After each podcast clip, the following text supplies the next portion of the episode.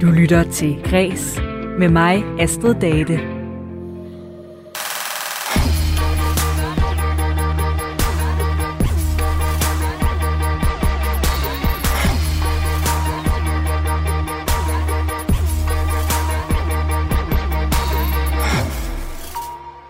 You must unlearn what you have learned. Sådan siger Jedi Master Yoda i Star Wars episode 5, da han træner Luke Skywalker til at blive eh, Jedi. Altså øh, groft oversat, så skal du øh, glemme det, du har lært. Yoda han vil nemlig udfordre Lukes opfattelse af, hvad der er virkelighed og hvad der er sandhed. Luke han siger, at han ved, at han ikke kan løfte sit rumskib ved hjælp af The Force, som altså er den her øh, særlige kraft, der optræder i historien, som kan bruges til for eksempel at flytte ting med tankens kraft. Men det Luke ved og har lært, det er altså ikke nødvendigvis sandt, så det skal glemmes og læres forfra, før han kan løfte sit rumskib. Og det er lidt den samme mission, som Aros har kastet sig ud i med en øh, aktuel udstilling med kunstværker fra det afrikanske kontinent. Udstillingen den hedder nemlig This is not Africa, Unlearn what you have learned, fordi den netop vil udfordre det, vi ved og har lært om Afrika, den traditionelle og stereotype vestlige fortælling om det afrikanske, så vi kan lære noget nyt. Og hvordan de gør det, det taler jeg med kuratoren om lige om lidt. Og så kommer jeg tilbage til sci-fi-universet. I dag udkommer der nemlig en bog, der er skrevet med hjælp af kunstig intelligens. Og vi skal høre, om der kan komme stor kunst og litteratur ud af det fra forfatteren selv, og en forsker på øh, lige netop det område. Og så har vi et øh, skønt nyt musiknummer til dig i øh, Kreses bud på denne uges alternativ banger. Mit navn det er Astrid Date. Velkommen til Kreds.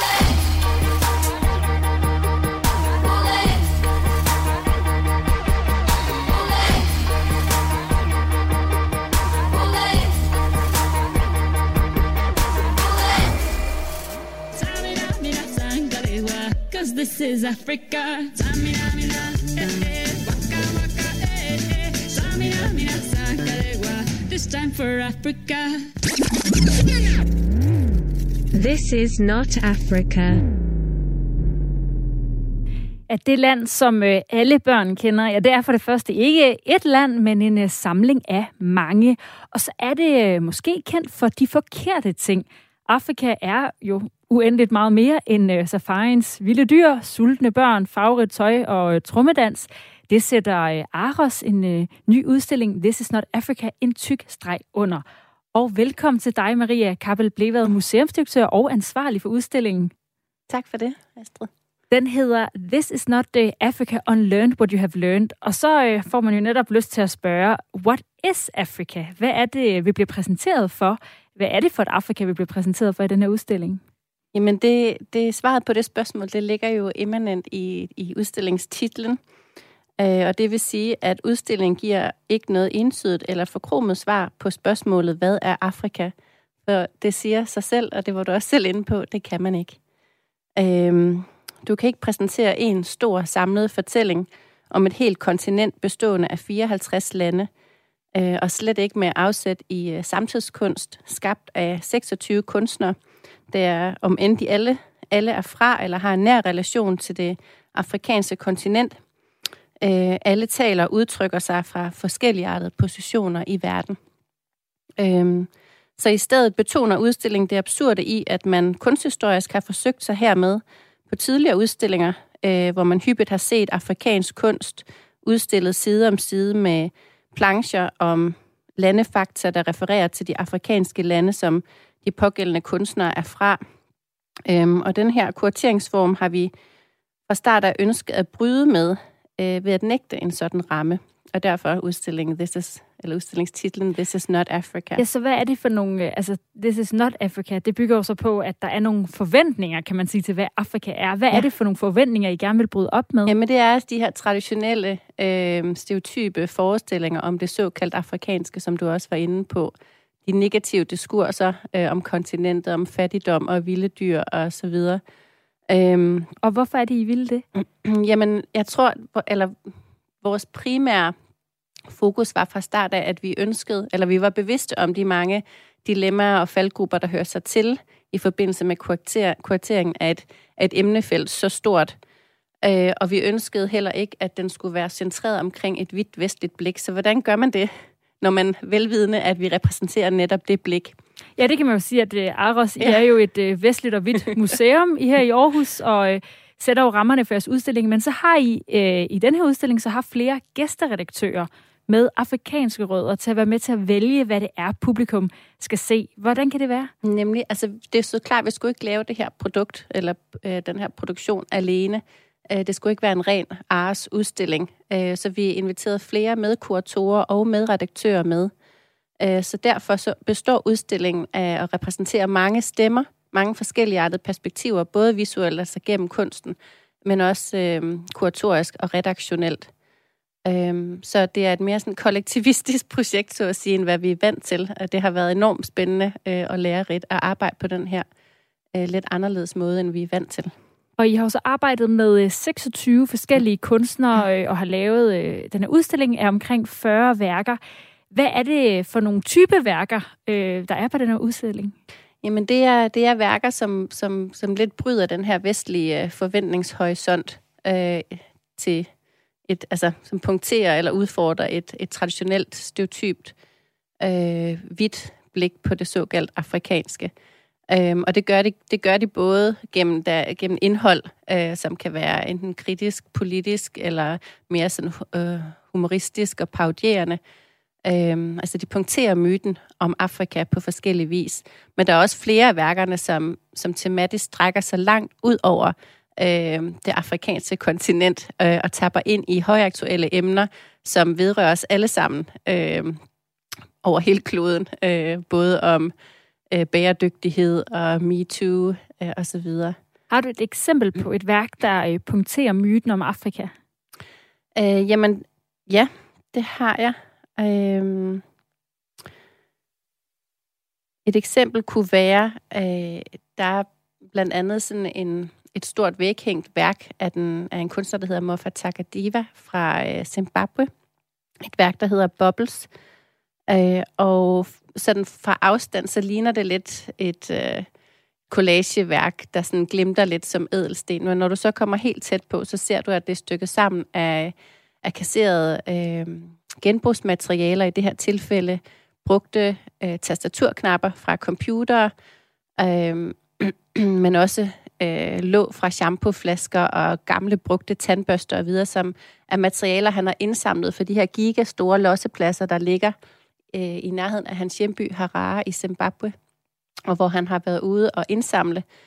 Øh, og særligt computertasterne, som er det materiale, der ligesom dominerer mest i værket, de, øh, de refererer jo til hele forholdet mellem magt og sprog, og det her med øh, skabelsen af fortællinger og diskurser og historier.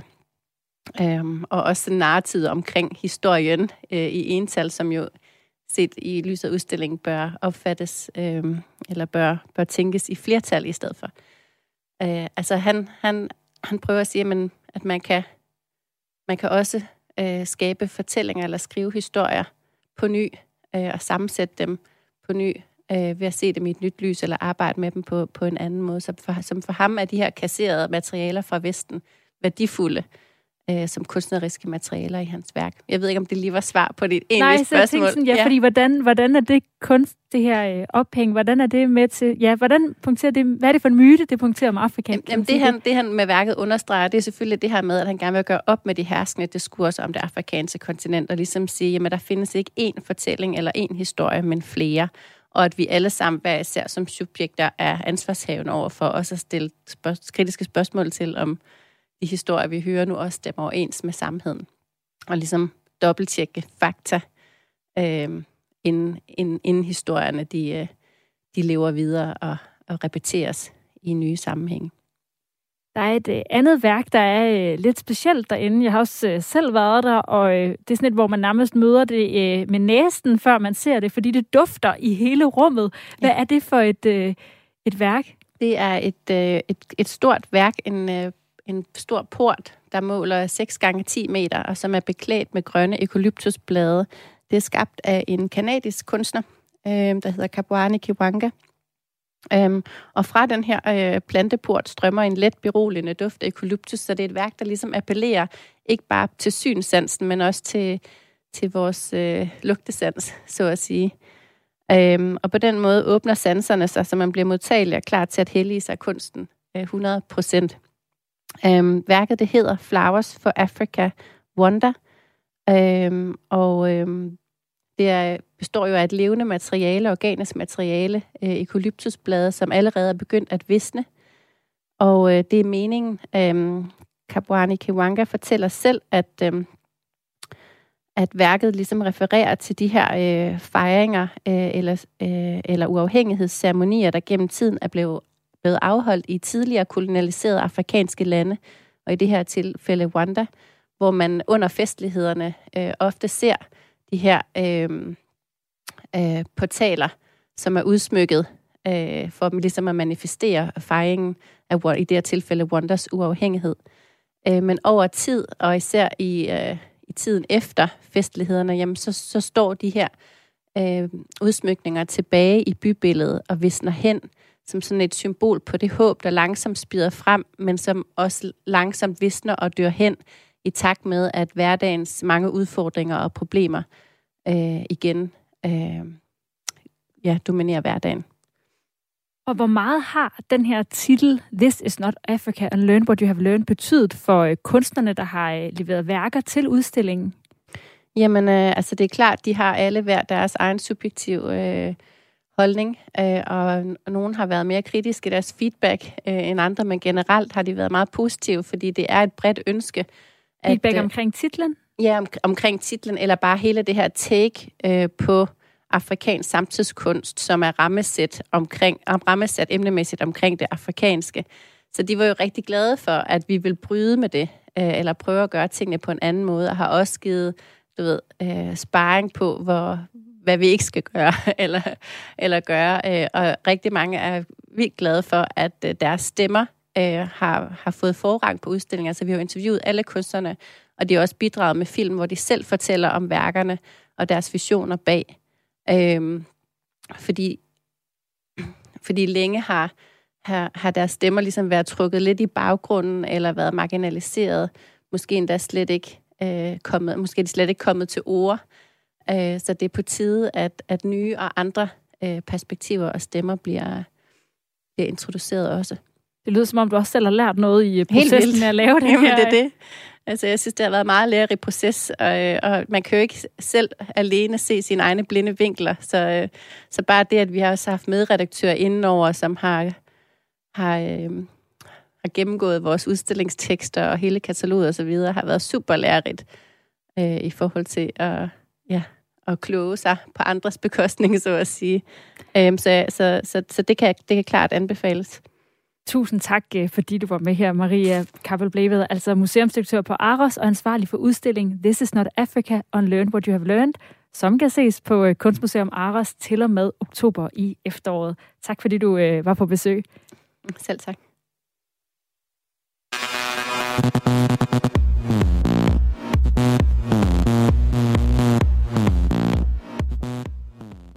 Dagens korte nyheder fra kulturens verden starter med en tur i fitness. Siden landets træningscenter genåbnede den 6. maj, der har det nemlig væltet ind øh, for at gøre kål på de ekstra coronakilo. Men det er en øh, helt anden slags sved på banen, som øh, ejerne af de private fitnesscentre har. Det gælder nemlig forskellige, øh, eller der gælder nemlig forskellige regler for fremvisning af coronapas, hvis du straffer jern i et privat og ikke et foreningsejet center. I det private der skal man tjekke hver eneste, der kommer, mens foreningerne kun skal lave stikprøvekontroller. Det fortæller TV2 Østjylland. Reglen giver ekstra lønudgifter for de private centre. Med coronareglerne bliver de nemlig tvunget til at have bemanding på i hele åbningstiden. Og derfor så advarer de nu om, at det i sidste ende kan føre til, at de små fitnesscentre bliver nødt til at dreje nøglen om.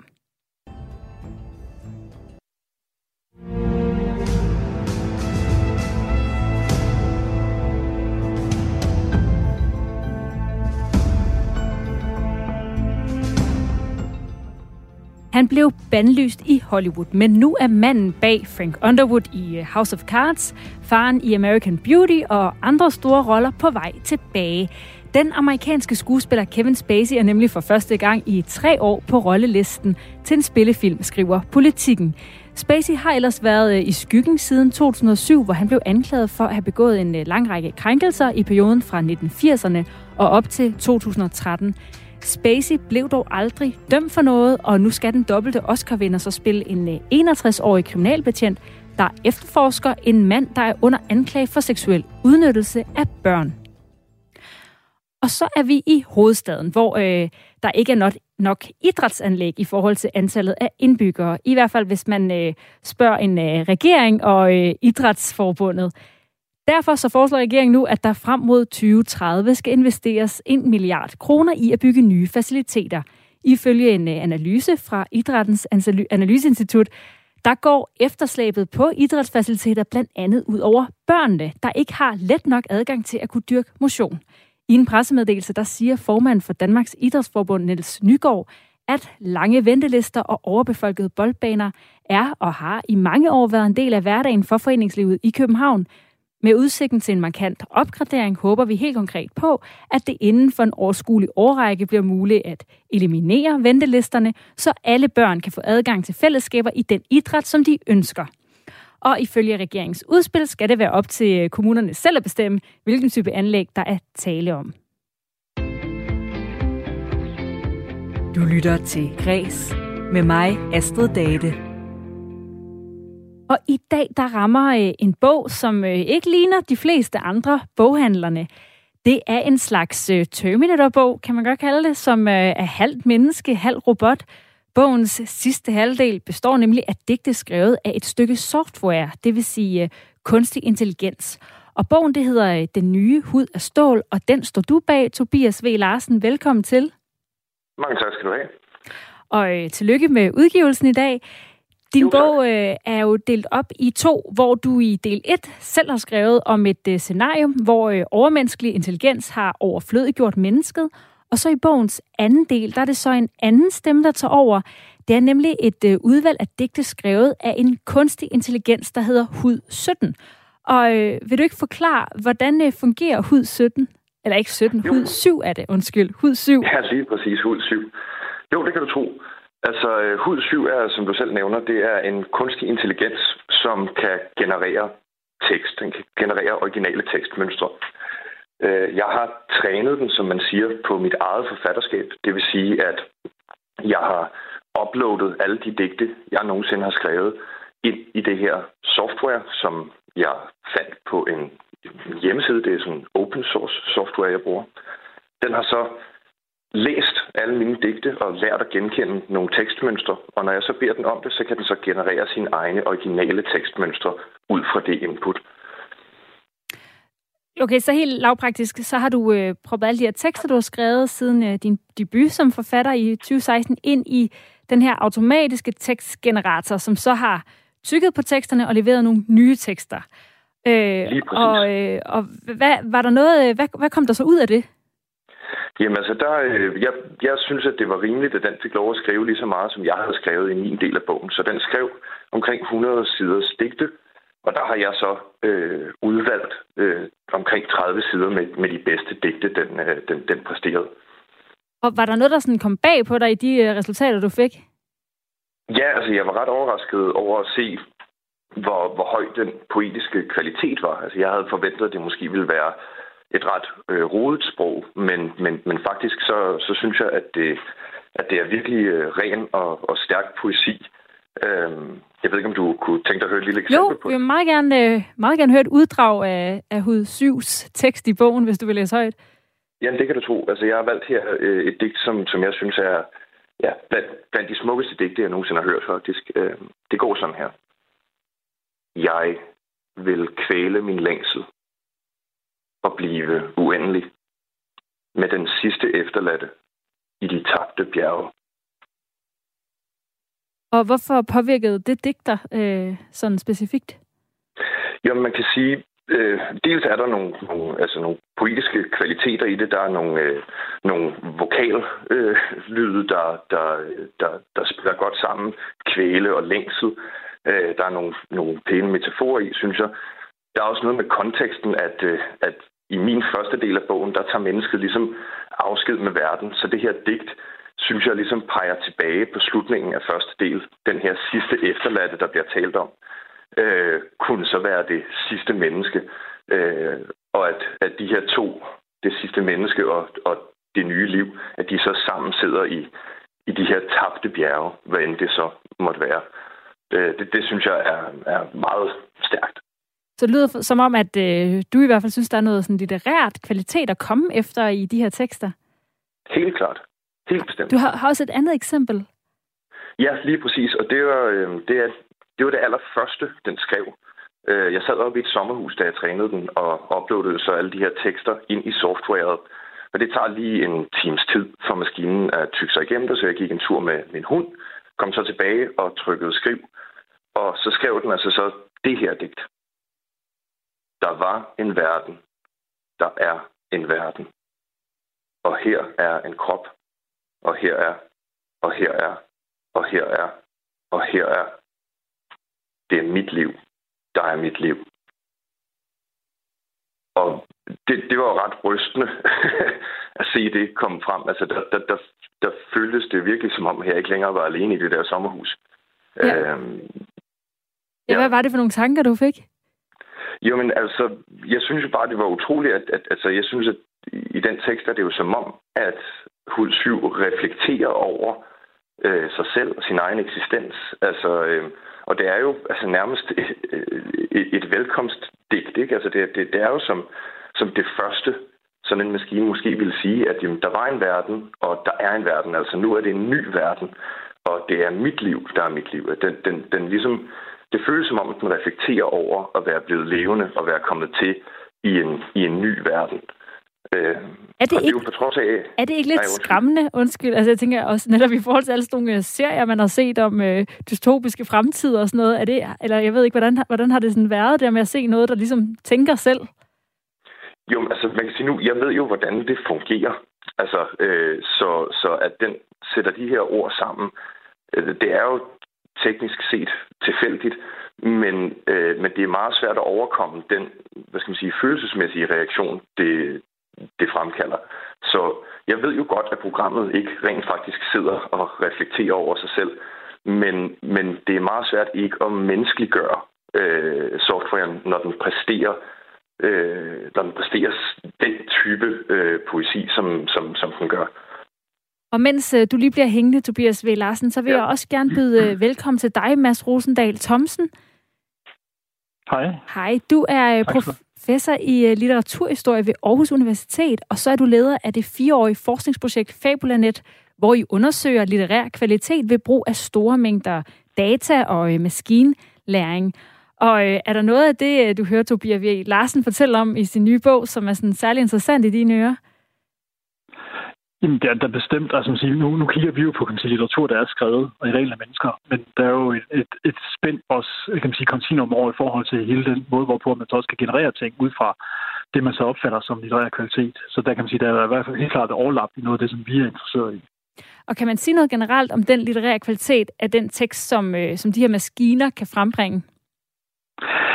Altså, det, det er jo, nej, det, altså, man, man kan ikke bare sige det også, fordi kan man sige, litterær kvalitet er mange ting. Øh, og det er også, kan man sige, hvordan forskellige typer læsere reagerer på det. Øh, på den måde er litterær kvalitet jo ikke noget, der er blevet maskingjort endnu. Øh, og det, man kan, kan, kan gøre, det er jo så, kan man sige, man kan jo, altså i, i de forskningsprojekt prøve at undersøge øh, store mængder data og se på, hvad, øh, og sammenholde det med læserreaktioner og se, om man kan finde nogle mønstre der. Så der, der er nogle beslægtede strategier, men, men, det er jo men det er heller ikke helt det samme, som, øh, som, som vi øh, arbejder med. Det lyder lidt som den måde, at øh, streamingtjenesterne laver algoritmer for at lave serier, som de ved, vi vil komme til at elske. Øh, at man på den måde kan bruge det til at lave nogle digte eller litteratur, som, øh, som vil ramme. Det er rigtigt, ja, men altså, man kan sige, man kan jo håbe, altså det, noget af vores håb, det er jo at, at forstå nogle strukturer i tekster, som man ikke kan se med det blotte øje. Altså, at der er nogle ting, som man finder ud af, hvorfor er det så, at den her tekst, og det vi arbejder med, det er ofte, kan man sige, lidt større narrative tekster. Øh, hvorfor er det så, at, at de appel til folk øh, frem for andre. Okay. Øh, og, og, og noget af det kan man sige, man, man, kan sige, man har jo en, så at sige, baseline for, hvad der bliver opfattet som god kvalitet. Ikke? Det har vi jo masser af, af, i litteraturhistorien, og vi har masser af undersøgelser af, hvad, hvad læsere vil have. Øh, men, men derfra så til at så at sige, vende maskinen om, og så øh, få den til at spytte ud noget, som så er høj litterær kvalitet, der er et stykke vej nu. Ja, og kan man overhovedet det? Fordi jeg tænker bare med kunst og, øh, og høj litterær kvalitet er jo måske netop nogle, øh, nogle ting, man ikke kan regne ud, og nogle overraskelser og noget social og sprogligt intelligens, som er meget menneskeligt, hvor jeg kunne forestille mig, at kunstig intelligens måske alligevel kommer til kort. Ja, det er et godt spørgsmål, altså hvor den kommer til kort henne. Øh, altså noget af det, som er for eksempel svært, ikke? det er jo sådan noget at, at lave karakterer og, og plots, der fungerer sammenhængende godt over længere tid. Øh, det er ikke så nemt bare lige at få det til at, at blive skrevet. Øh, jeg tror heller ikke, man skal undervurdere, kan man sige, at det er evnen til at komme med noget nyt, også som Tobias han fortæller om, ikke? Altså, at der er et eller andet, hvor man tænker, wow, det havde jeg ikke selv fundet på, at det er faktisk interessant, det her. Og hvor man så kan sige, at det er måske mere et menneske-maskine-samarbejde, der er med til at også skabe noget øh, litteratur. At, øh, at kunstneren er egentlig også med til at, at udvælge ting, som maskinen laver, og man tog ikke bare sige, at maskinens resultat er det endelige. Og så er der så måske et sted, hvor man kan sige, at øh, man siger, det bliver måske den højeste litterære kvalitet, der kommer ud af det, men noget, som folk vil finde brugbart. Der siges noget som, som fanfiction, hvor der er jo en kæmpe, interesse for selv at skrive videre på karakterer. Der kunne man godt forestille sig, at man kunne lave noget, som fungerede godt nok i forhold til at, så at sige, tilfredsstille behov for at få en, endnu en fortælling om, om øh, nogle af de karakterer, man holder Så hvad er perspektiverne i det her? Kommer vi til at bruge øh, penge på at købe litteratur skrevet af kunstig intelligens? Øh, ikke lige med det samme, men spørgsmålet er, om folk gør det i forvejen. Fordi øh, øh, der, hvor det virkelig rykker i øjeblikket, og hvor man kan sige, man får noget, der er, er brugbart på den ene eller anden måde, det er oversættelser. Øh, og der var nogle svenske kollegaer på en konference der sidste år, som mere eller mindre dokumenterede, for eksempel at Stig Larsen var blevet oversat med Google Translate til engelsk. Uh, der er været nogen, der har ret lidt i det bagefter, men, men grundlæggende var det en maskine, der havde oversat. Og kan man sige, maskinoversættelse, så, så den der idé om, at vi læser noget, der er, er, er håndgjort hele vejen igennem, den tror jeg, den vil begynde at, at, at rykke sig. Uh, men jeg tror, det var lang tid før, vi vil have fornemmelsen af, altså at, at, at, at, at, øh, eller at, at vi vil få en maskine, der har lavet et, et værk fra, fra, fra start til slut. Det tror jeg ikke lige kommer rundt. Men Tobias... teknikker vil begynde at komme ind. Ja, jeg tænker, Tobias, hvad tænker du om øh, de ting, som du hører Mads Rosendal Thomsen sige her? Jamen, jeg synes, at, øh, at, at Mads han, har, han rammer hovedet fuldstændig på sømmet. Altså, øh, men det interessante er jo også fremtidsperspektivet i det. Ikke? Altså, jeg, jeg har lavet den her bog ikke for at bevise, at vi øh, er et sted, hvor kunstig intelligens kan overtage kunstnerens plads, men at vi er på vej derhen. Øhm, og, og pointen med, at sådan noget med karakterer og nar- narrativer er svære at konstruere kunstigt, øh, det, det synes jeg er fuldstændig rigtigt. Men i poesien, øh, po- poesien arbejder jo generelt med at prøve at bryde sproget og lave nogle originale øh, ordsammensætninger, bryde lidt med vores forventninger til sætningsstrukturer og billeddannelser. Og, og der er sådan en computer her, i hvert fald synes jeg, at, øh, at HUD 7 har været virkelig god til at og præstere nogle, nogle virkelig overraskende øh, poetiske billeder, som, som mennesker måske ikke ville øh, præstere, fordi vi på en eller anden måde stadig er bundet til, til sprogets normer. Så det giver både nogle nye muligheder, men øh, i forhold til det, du siger, Mads, med, at man for eksempel kan bruge det i fanfiction, at det kan blive en nem måde at lave nogle fortællelser af, af historier. Kan man ikke risikere, at vi ensretter litteraturen, når det bliver puttet ind i sådan en maskine, at, at det bliver netop altså, ud fra nogle meget sådan faste rammer lige pludselig, at vi producerer litteratur, også noget som uh, fanfiction, når vi tager noget af, hvad kan man sige, den menneskelige tankekraft ud af det? Mm, jo, altså, og, og igen, bare for at være sikker, det, det er ikke sådan, at, at det står lige om hjørnet, at man bare kan gøre det. Men lad, lad os sige, at man i løbet af nogle år vil kunne gøre det. Mm, ja, man kan diskutere om, altså, om, om, om ikke også det at give mulighed for at øh, og, og lege med, med nogle parametre og, og bede computeren om at gøre noget, som er, er stik modsat af det, man normalt vil gøre. Og det vil give mulighed for at faktisk bryde nogle mønstre. Så jeg tror, at man kunne gøre begge dele. Ikke? Altså, vi er jo i forvejen jo pinligt bevidste om, at vi producerer masser af ting, der er enormt genrebaseret. At der er kriminalromaner, som altid ender med, at der er et mord, der bliver, bliver opklaret. Uh, så uh, det at bruge uh, computeren til at hjælpe med at provokere til at komme nogle nye steder hen, er en mulighed. Men du har fuldstændig ret det at producere mere af det, som findes i forvejen, er også en mulighed. Og noget, som faktisk George Orwell allerede i 1984, øh, hans roman fra 1949, øh, legede med tanken om, at trivial litteratur det ville blive produceret ikke af computer, for det havde han ikke forudset, men af nogle kaleidoskoper, som kunne fremstille sådan trivial sang og trivial litteratur. Så det, begge veje, både mere ensretning, men også mulighed for at eksperimentere med nogle ting, man kan sige, der ville vi aldrig have gået hen, hvis vi ikke var, fordi at vi havde noget til at hjælpe os med det. Og hvad er det, du håber, I finder ud af med jeres forskningsprojekt?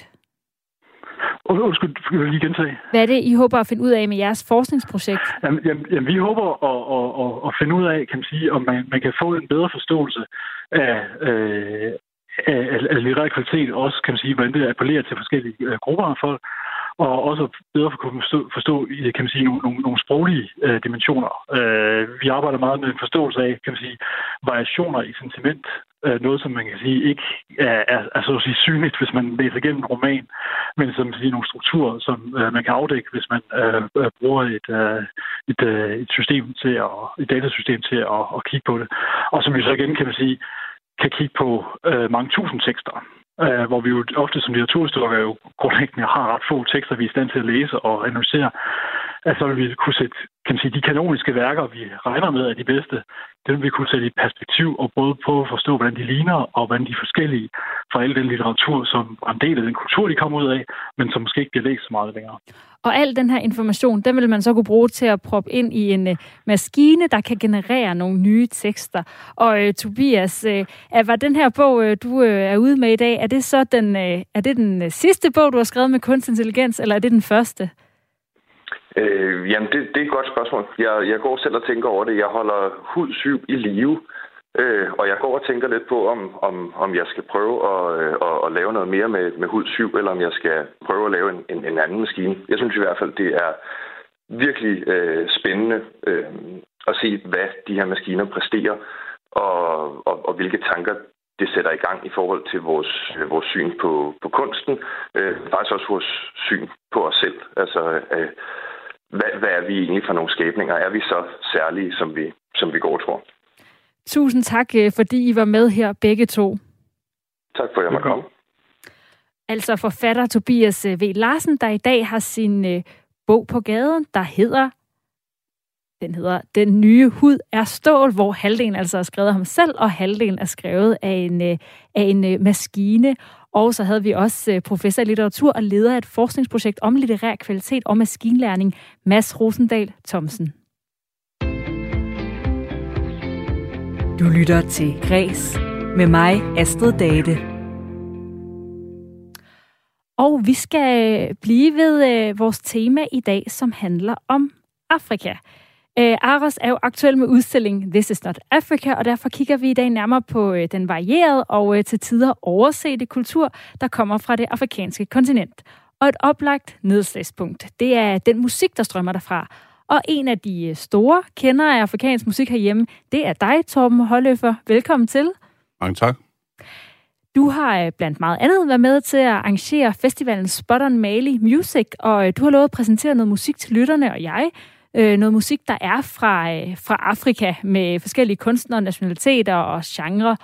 Og øh, hvis man sidder som lytter og aldrig har snuset til øh, musik fra Afrika før, som jo øh, altså dækker over øh, rigtig mange lande, det er et stort kontinent, men øh, kan du sætte nogle øh, ord på, hvad man kan forvente? Om afrikansk musik, hvis man virkelig har lyst til at gå ned i det, så er det et rytmisk, øh, særdeles farverig øh, omgang, og det er et land, eller det er et kontinent, som er i en rivende udvikling. Øh, jeg synes virkelig, at altså, jeg, jeg ved ikke, om man kan sige, at det er der, fremtiden ligger, men på en måde er det både fortiden og fremtiden, der er i det, hvis man ser det som rødderne for blues og så videre, og, og så den musik, der kommer i dag.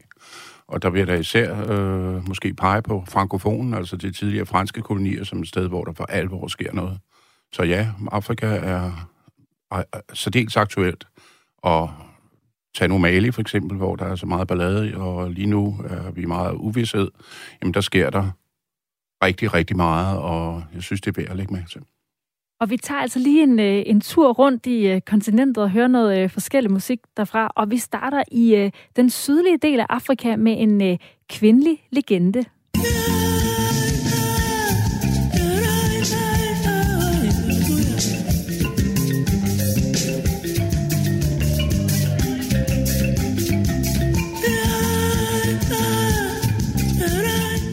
Hvem er det, vi hører her?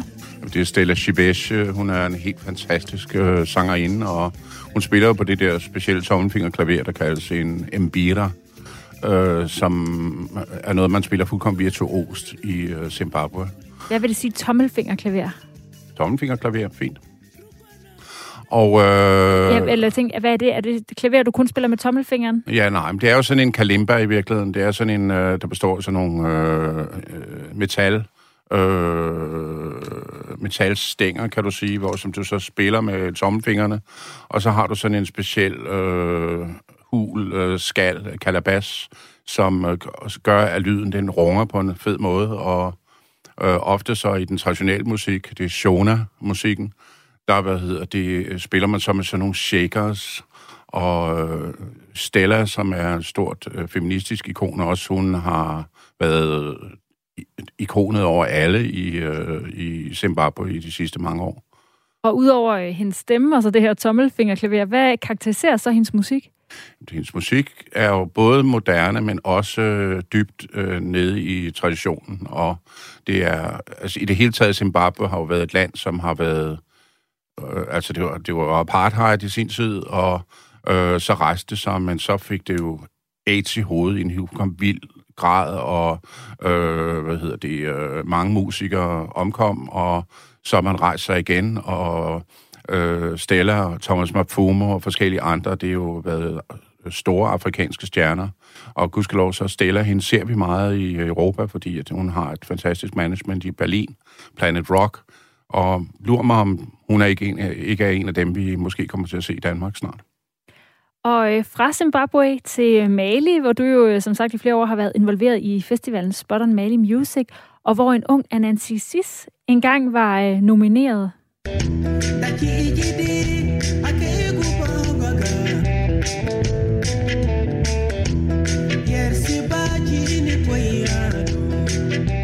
Og det er Anansi Sisse, tror jeg i virkeligheden. Sådan kan det være, ja. Ja.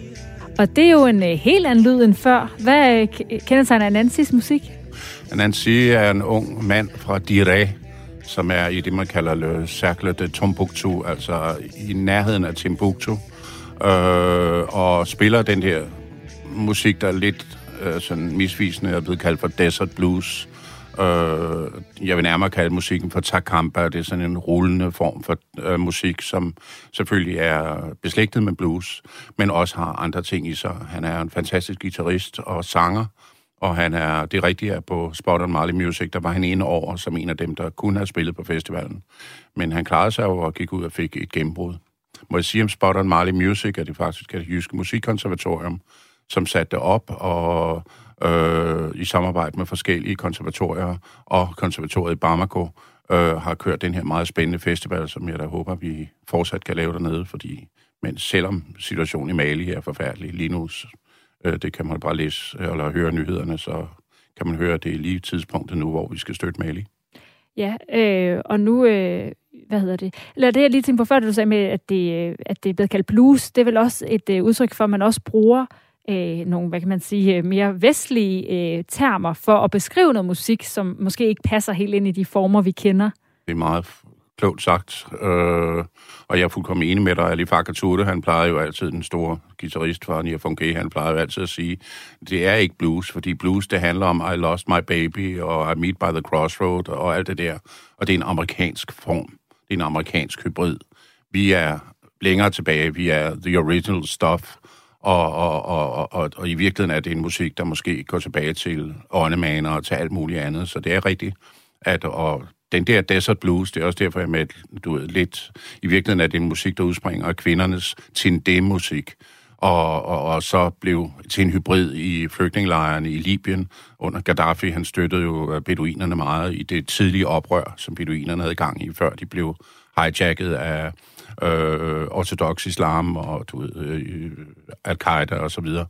Og øh, øh, hvad hedder det? Så det vil sige, det er sådan en hybrid af kvindernes oprindelige musik, og så nogle, nogle folk, der hørte Dire Straits i radioen og tænkte, wow, vi må have noget elektrisk guitar her.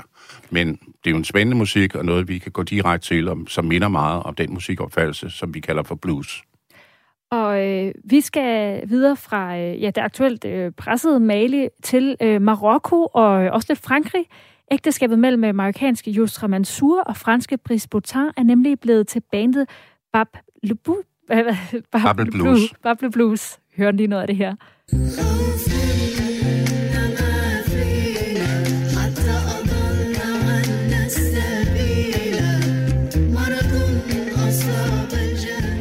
Er det særligt ved det her øh, par og band? Det er meget spændende. Det, Yusra Mansour og Brice Botin, de mødtes i Marrakesh.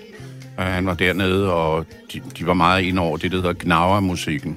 G-N-A-W-A som er en musik, som går tilbage til øh, slaverne, der kommer op fra Vestafrika og øh, også laver åndmaneri og sådan nogle ting. Det er meget spændende. De er sufier, mystikere, islamiske mystikere, men øh, Øh, så det vil sige, at det er en musik, som er sådan en hybrid mellem en form for hvad hedder det, psykedelisk musik, og samtidig er det så med rødder i gnavermusikken.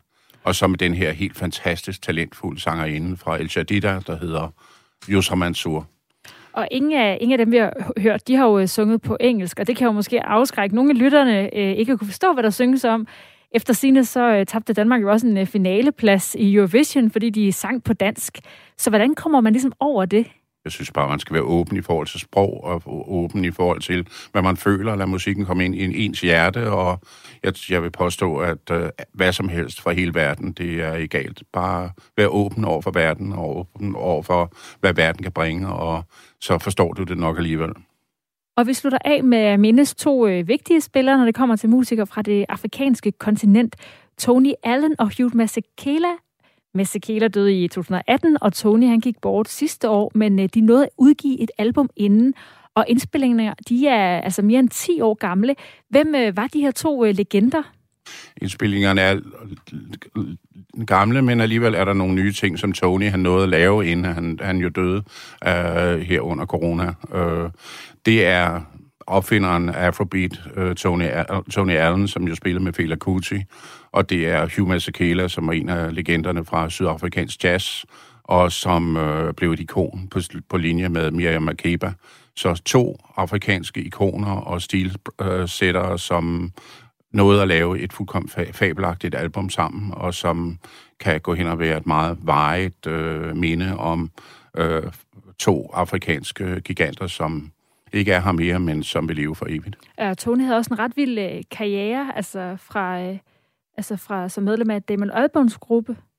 Ja, The Good and the Bad ja. and the Queen, det er rigtigt. Og damerne har i hele taget øh, øh, gjort meget for at formidle musikken. Måske øh, damerne er ikke det mest rytmiske person i verden, men, men hvad hedder det, han er god til at formidle dem, der kan, og det lægger han jo ikke skjul på, og Tony Allen var en af dem. Men Tony var over alt, og går du ud og snart og spørger på Rytmekons i dag, så alle tromslager, de har Tonys måde at slå på trommer med, med i deres værktøjskasse. Øh, at snakke med en kristen Osgood eller andre, jamen de kan alle de der ting, som Tony kunne. Så Tony var en, en af verdens kæmpe store tromslager, og jeg er sikker på, at hver gang du hører det der beat, så ved du, det er Tony, og så ved du, det er Afrobeat. Torben Holløfer, tak fordi du vil øh, give en intro til både jeg og lytterne i noget af det her øh, skønne og meget forskellige musik, der kommer fra Afrika. Du skal have mange tak, fordi du måtte være med. Og vi tager også lige lidt af Tony Allen og Hugh Masekelas Robbers, Thugs and Mockers. Det kommer her. Bukalajan,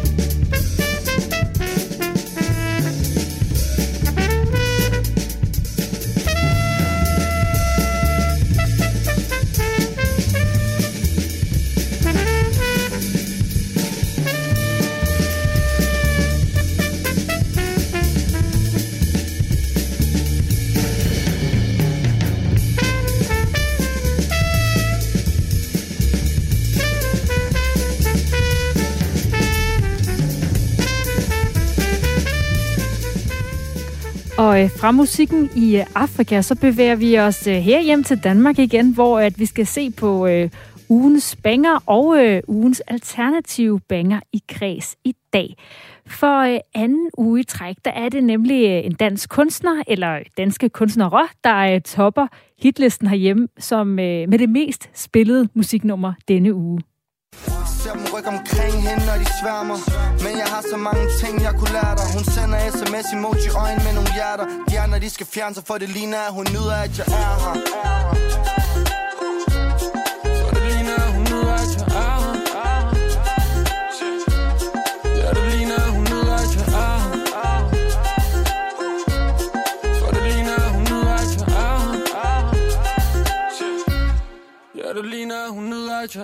Det det var lidt af sangen Er her, som udkom denne måned fra Ardi Ardit sammen med øh, Casey, og som altså ret hurtigt er strået til tops.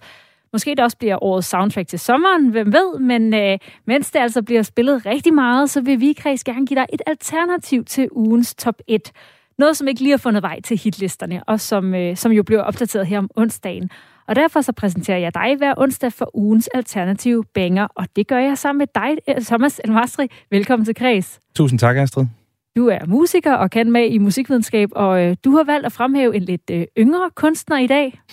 Ja, jeg har øh, valgt at tage en globetrot med, om man ved det. Øh, Mina Okabe, som er en dansk-japansk øh, artist, som egentlig er ret ny, men jeg har en fornemmelse om, at hun nok også skal komme op på hitlisterne helt op i toppen. Og hvorfor kalder du hende en øh, globetrot? Jamen, øh, Mia har haft sådan en øh, fantastisk rejse. Hun er øh, en mor, der en far, der er dansk, og en mor, der er japansk, og hun er opvokset i London. Og i kraft af hendes øh, fars arbejde, så har hun simpelthen både rejst i New York og ja, London, og faktisk også boet på Filippinerne. Men de sidste fem år har hun boet her i Danmark. Og hun øh, ja, jo ny, som du siger, men hun har faktisk også haft øh, et, øh, et, et, øh, nummer, der har været med på P3's Uundgåelige. Hvad, hvad var det for net? Lige præcis. Hun øh, debuterede stærkt med I'm Done, som, som øh, P3 samlede op som ugens uundgåelige, for, øh, da det kom ud. Øh, og det er egentlig et ret stærkt nummer, øh, som, ja, som var hendes første single, som hun skrev igennem gymnasietiden, øh, og handlede lidt om en, øh, en forelskelse, der måske gik lidt galt. Øh, og hun har selv sagt, at... Øh, at hun måske ikke selv er så god til at snakke om følelser, men det gør hun så gennem sangskrivningen. Og det her nummer bliver bare taget rigtig godt imod. Vi kan måske høre lidt af det.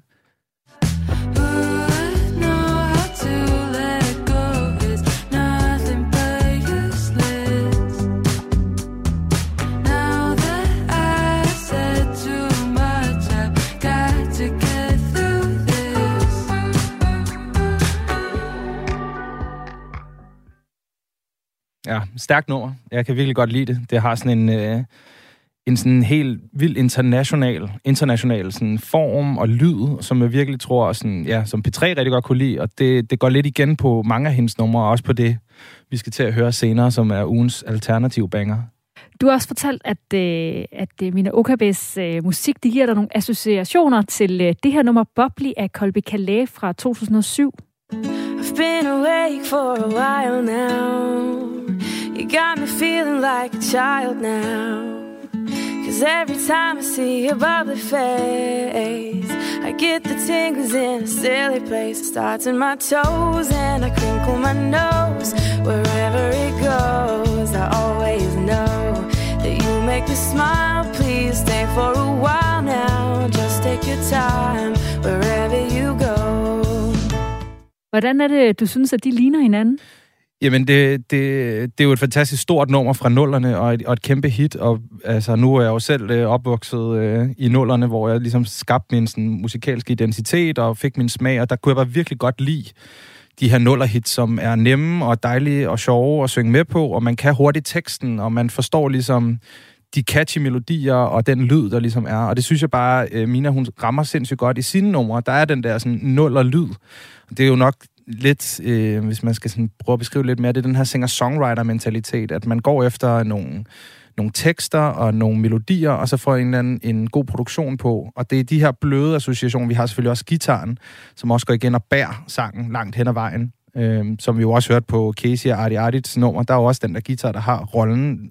Gitaren er bare et rigtig godt instrument til sådan at bære et nummer fremad, fordi den både har det ja, akkorderne og det rytmiske elementer, og så øh, er det gode til at supplere, øh, hvad kan man sige, vokalen og melodien og det rytmiske i det.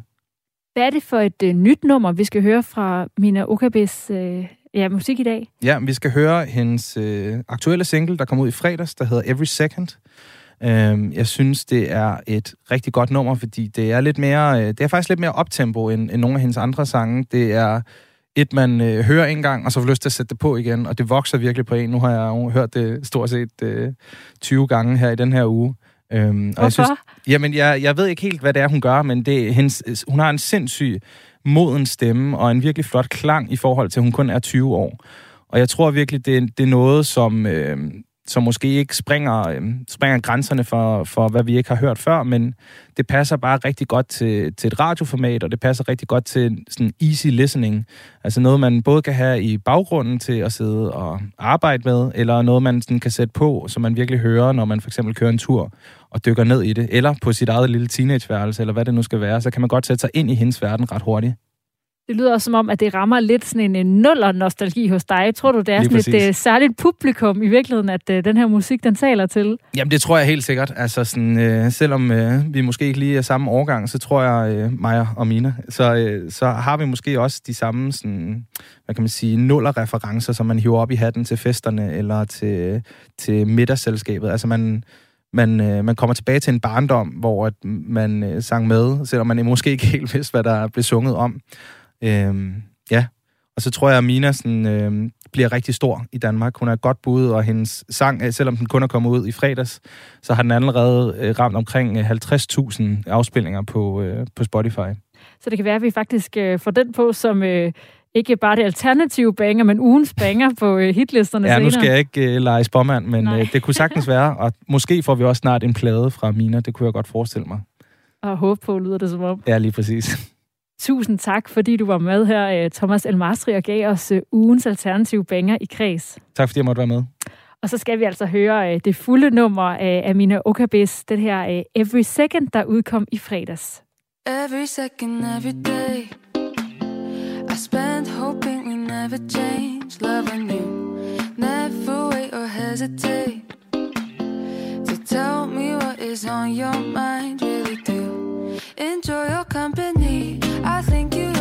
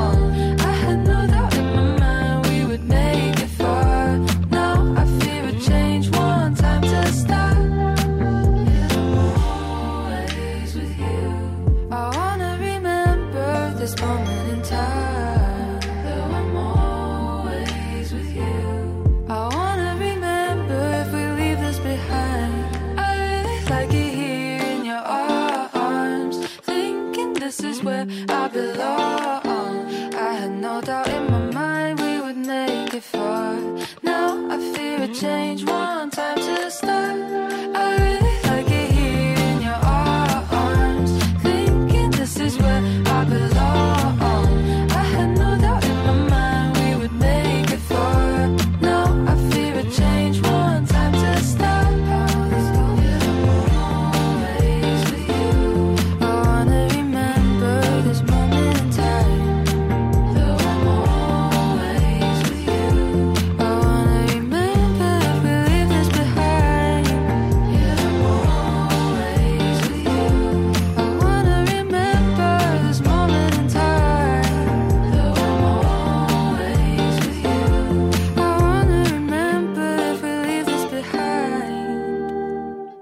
Det her var altså denne uges alternative banger i øh, kreds med øh, musikeren Mina Okabe, som øh, også lige er blevet annonceret til at spille til øh, Lillefredag i øh, Tivoli torsdag den øh, 24. juni. Og det her nummer, det er altså en helt ny single, der kom ud i øh, fredags, og allerede er blevet øh, hørt en øh, masse gange, og jeg kan egentlig godt forstå det. Jeg faldt også for det øh, lige med det samme. Og øh, det her, det var altså alt, hvad vi havde øh, i Græs øh, på Radio 4 i dag. Programmet det er lavet med hjælp fra Isa Samuelsen, Lene Grønborg, Karoline Kjær Hansen og Mathias Wissing. Jeg hedder Astrid Date, og vi lyttes ved på podcasten eller i morgen, hvor vi blandt andet skal snakke om øh, krimifilm og et øh, helt særligt dansk kunstværk, der øh, vagte stor røre i øh, Folketinget tilbage i 90'erne, og som nu genopsættes i Rusland. Det er igen i morgen kl. 14.